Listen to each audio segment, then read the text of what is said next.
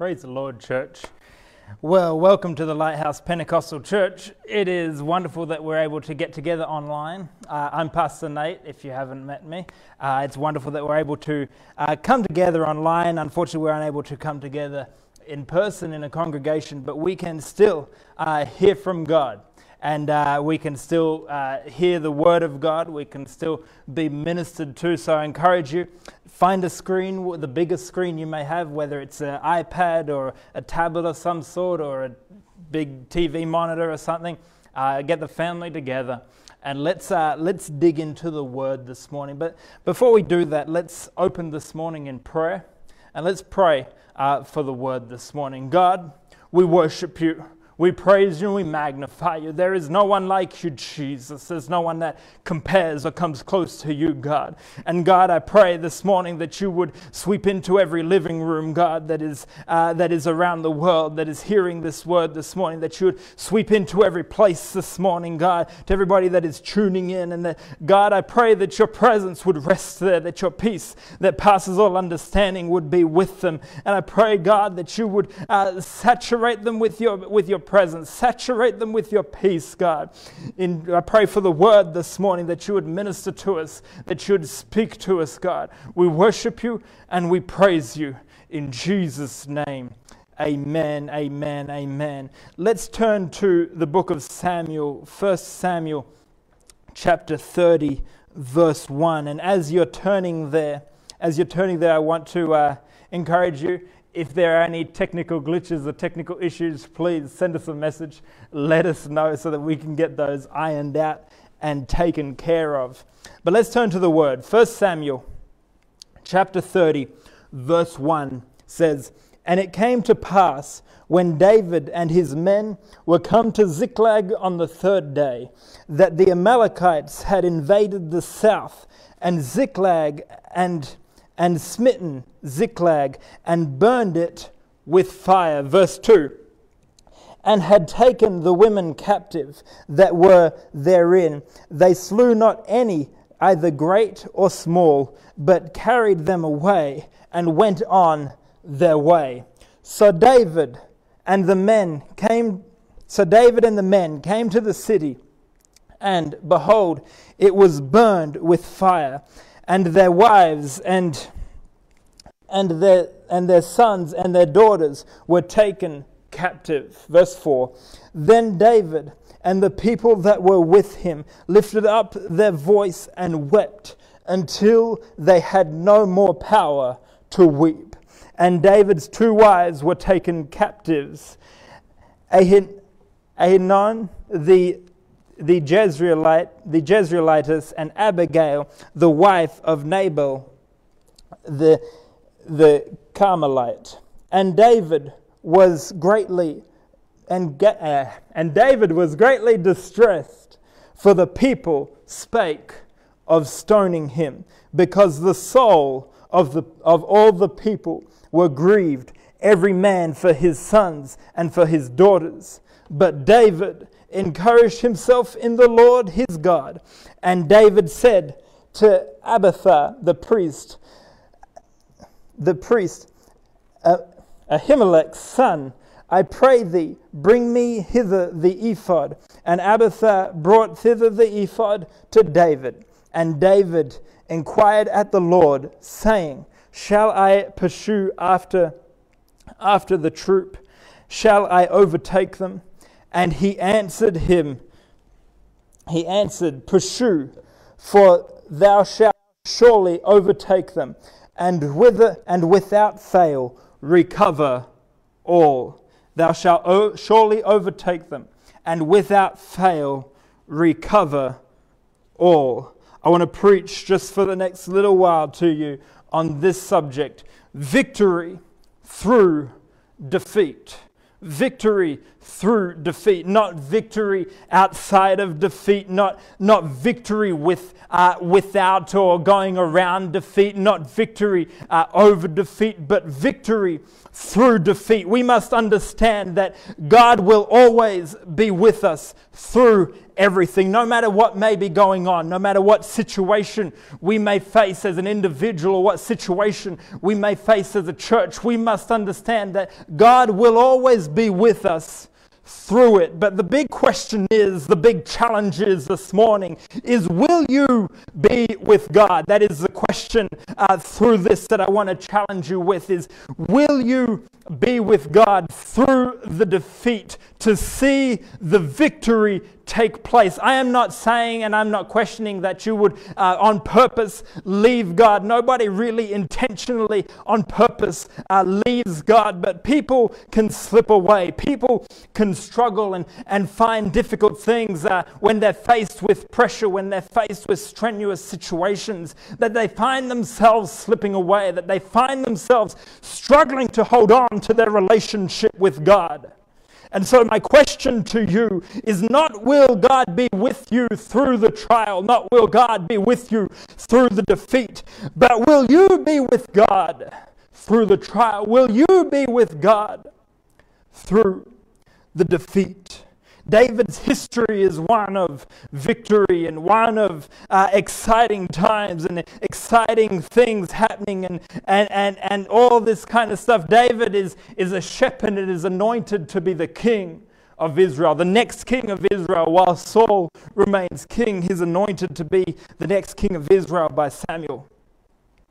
His, his story goes on and and he works with Saul and he, he goes into the palace and he plays the harp for Saul and he, and he works with Saul and he becomes quite the warrior after killing uh, Goliath through the power of God. Uh, he, he kills Goliath and the crowds chant, David's killed his ten thousands and, and Saul his thousands and, and, and he becomes quite the warrior for Israel. But soon after, not, not too far after, Saul begins to chase David for his life.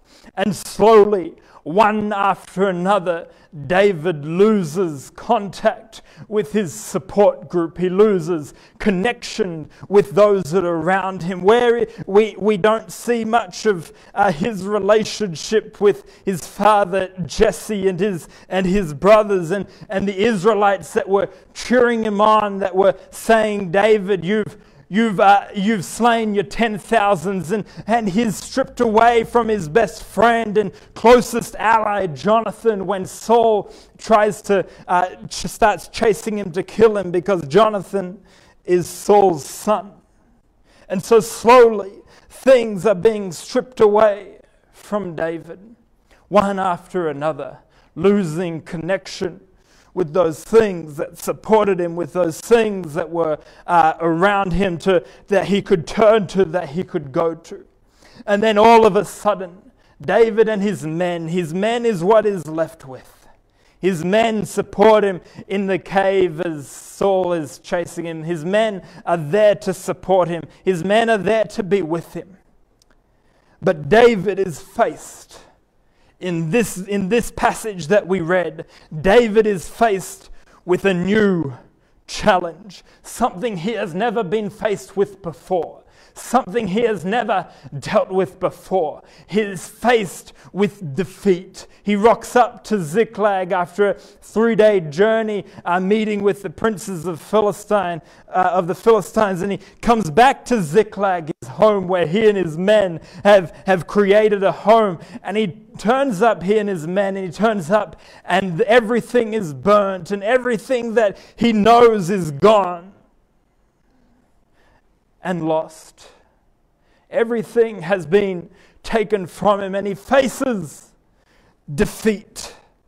He faces defeat. At this stage, David nor his men do not know whether their wives or their children are alive. They're not concerned about the possessions, the material stuff, but they don't even know whether their wives or their children are alive at this stage. All they see at this point is everything that they know has been taken and burnt. And finally, and finally, David has begun, has lost another support in Ziklag being burnt to the ground and his wives being taken and his family being taken. What do you do when you don't know what to do? What do you do when you're facing something you've never faced before? Where do you go to? And who do you go to? Are the questions you need to answer as we face what is facing the world today. What do you do? Where do you go? And who do you go to? It says that David's men wept until there was nothing more left in them to weep. His men wept until there was nothing left in them to weep.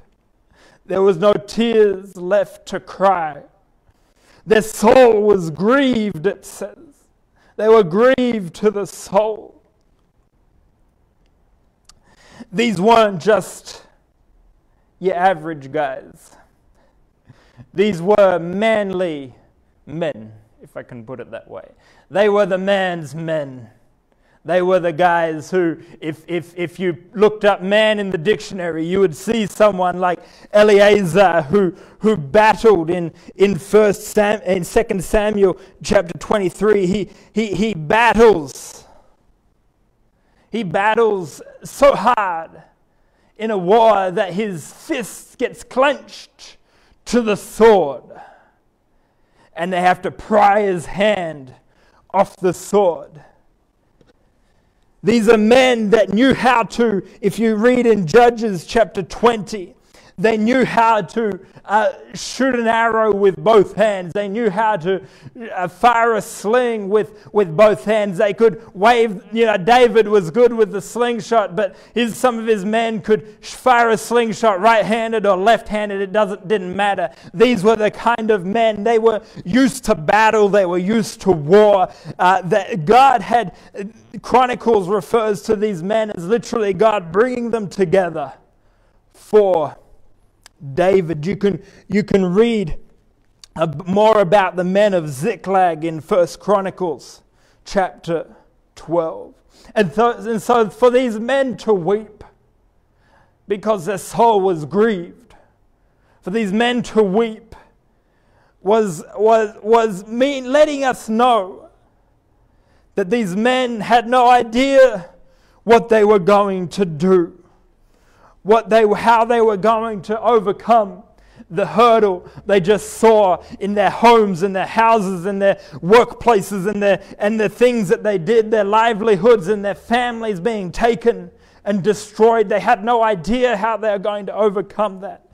And finally, the last support, the last, the last system or structure of support that David has in his men is stripped away as his men begin talking of stoning David because they're so grieved, they're so lost. And finally, with David, with every support system gone, with every support structure out of his life, he has to figure out what he is going to do. What will he do? Where will he go? And who will he go to? He had to figure it out. And, brothers and sisters, while David had lost all his earthly support groups, he held on to one. He held on to one support that I said at the beginning of the message that will never leave you, that will be with you through thick and thin, that will be with you with every everywhere that you go, every step that you take. He will never leave you. He'll always be with you. And David turns to God. He turns to God to find out what to do. To find out what to do. You see, because David so elegantly penned, Yea, in Psalms 23, Yea, though I walk through the valley of the shadow of death, I will fear no evil, for there's a lot of money in my bank account. No, no. for, for, for my mortgage is taken care of and I have a steady job. No, no. For all my systems and the things that I'm used to are there. No, no. Yea, though I walk through the valley of the shadow of death, I will fear no evil, for thou art with me. Brothers and sisters, during this time, you need to figure out what your relationship with God is really like. Will you stick with God? God will never leave you, but will you stick with God when the conferences are gone? Will you stick with God when the camp meetings are cancelled? When the youth camps are cancelled? When the church services have to be online and you have to sit in your living room, maybe with a family or maybe by yourself, and, and it's just you looking at the preacher through a screen and, and there's nothing there else to support you? Will you? Hold on to God. What is your relationship like with God?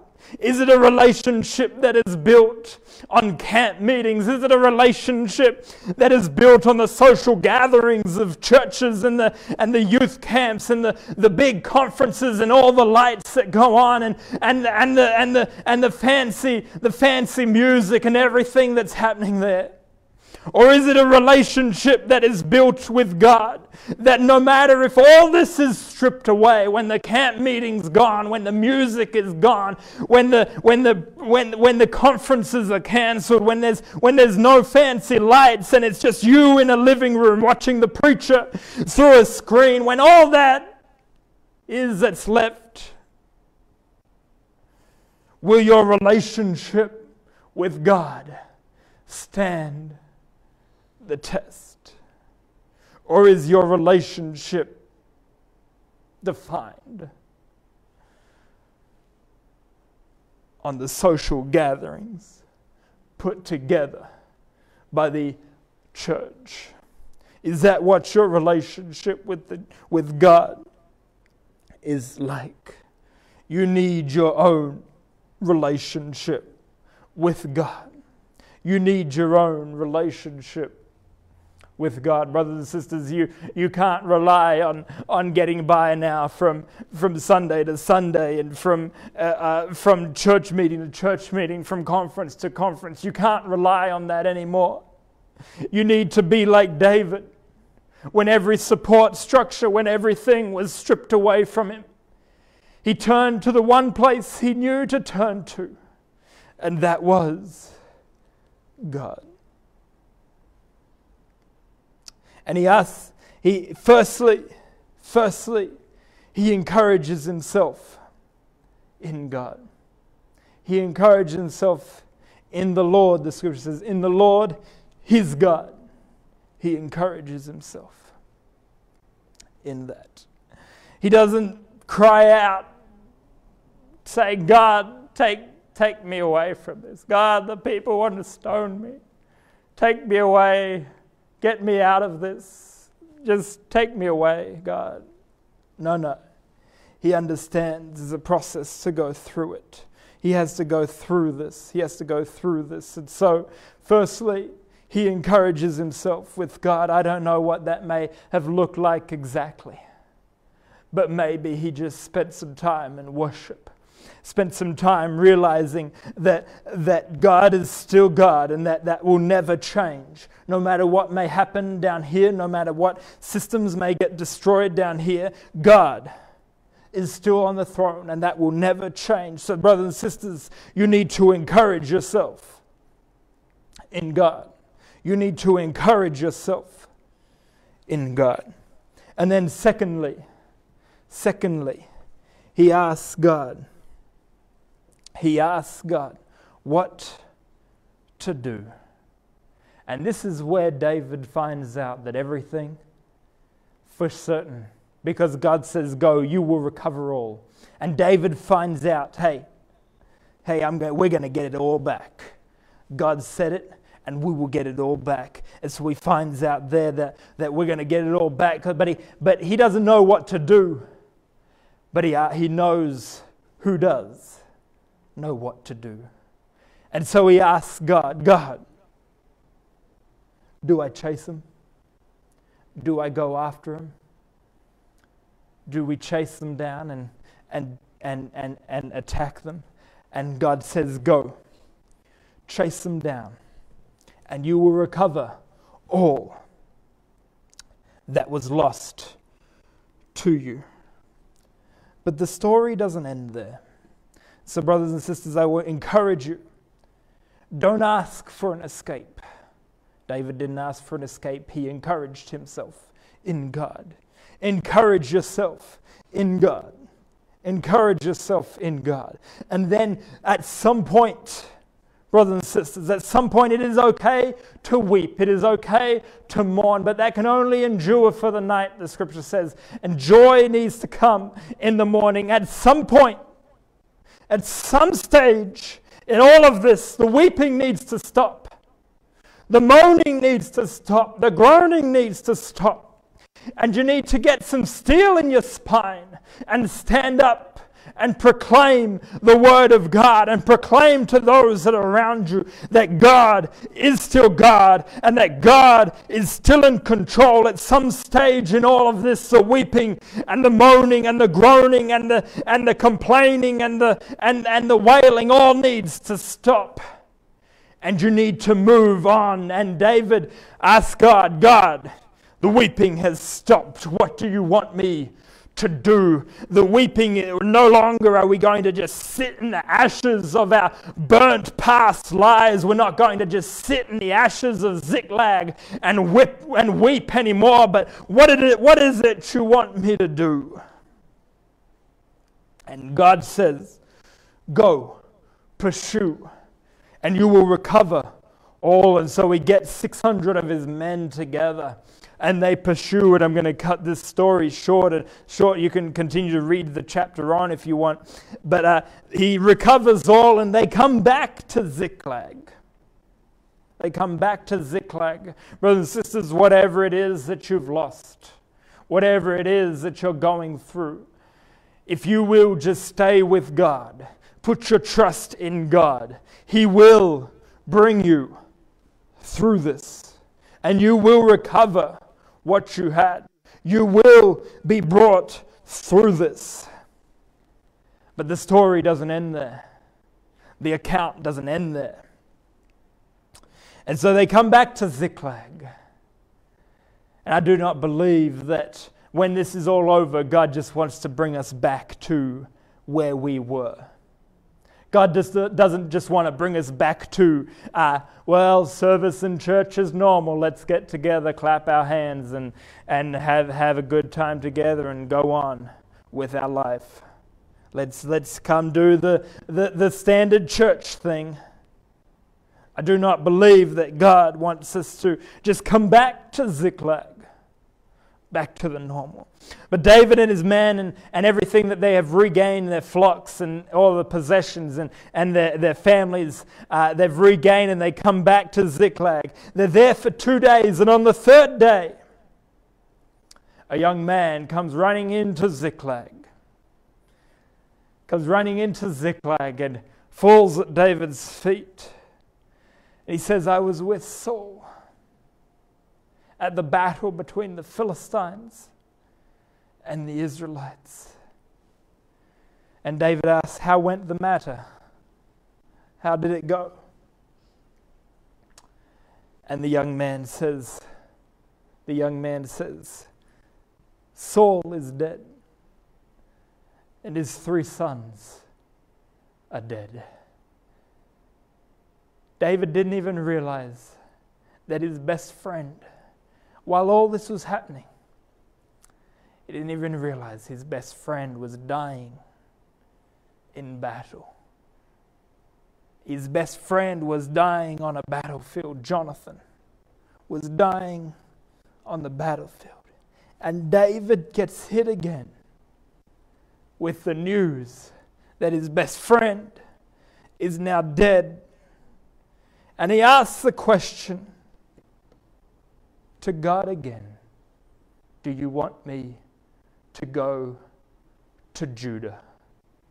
And God says, Go. Go to Judah. Get out of the ashes of Ziklag and go to Judah. And just a few days later, after arriving in Judah, David is anointed the king of Judah and then later king of all of Israel. It was 14 years. It was 14 years since the beginning of what we were reading here, the passage that we read. It was 14 years since David was anointed by Samuel as a young shepherd boy. And it was a matter of one week from all this happening when this all began to David being anointed king of Judah. And so, our brothers and questions, I cl- brothers and sisters, I close with this question again: What will you do as your support systems are cancelled and destroyed? What will you do as the camp meetings, the youth camps, the church gatherings, the, the, the, the conferences that we have, the, the, the setups that we have? What will you do when that's all been destroyed? And that's all been stripped and taken away, and it's just you in your living room watching the preacher. Brothers and sisters, I encourage you. Follow David's example here. Turn to God. Turn to God. His own men wanted to stone him. Turn to God. His best friend died. And he asked God, What do you want me to go to Judah? What do I do now? Do you want me to go to Judah? I believe I believe that when this is all said and done, brothers and sisters, God does not want us to go back to where we were, but rather go, go to Judah, go somewhere else. God wants us to, to, to not just go back to Ziklag, but go to a new place that He is calling us to. Let's spend a moment in prayer. I'm going to pray for each person that is tuned into this stream this morning. I'm going to pray that God strengthens you. I'm going to pray that you would, uh, that you would understand the importance of every day turning to God. Let's pray together, church. Uh, I want you, wherever you're at, in Australia, wherever at, you're at around the world, I want you to uh, pray this morning for your relationship that it would be held strong. And I'm going to pray for your faith that it would fail not. That's what Jesus told Peter. Peter, I'm praying that your faith would fail not. Let's pray together. God, we worship you. We praise you and we magnify you, God. And God, you see the situations that everyone is going on, that everyone is going through around the world today that is going through in each person's lives, in each of the churches, God. God, you see what is happening uh, in people's households, God. I am unable to see right at this stage as a pastor what is going on in their life. But God, you know exactly. You see into the living room, you see into the, where they're sitting in their house, God. And God, I pray that you would strengthen them, God. I pray for their faith that it would fail not, God. I pray in the hard times and the tough times, God, that they would turn to you, that their that their relationship would not be based on, on, the, on the church social events, but that their relationship would be based solely on you and their relationship with you. God, I pray that you would, that you would strengthen them.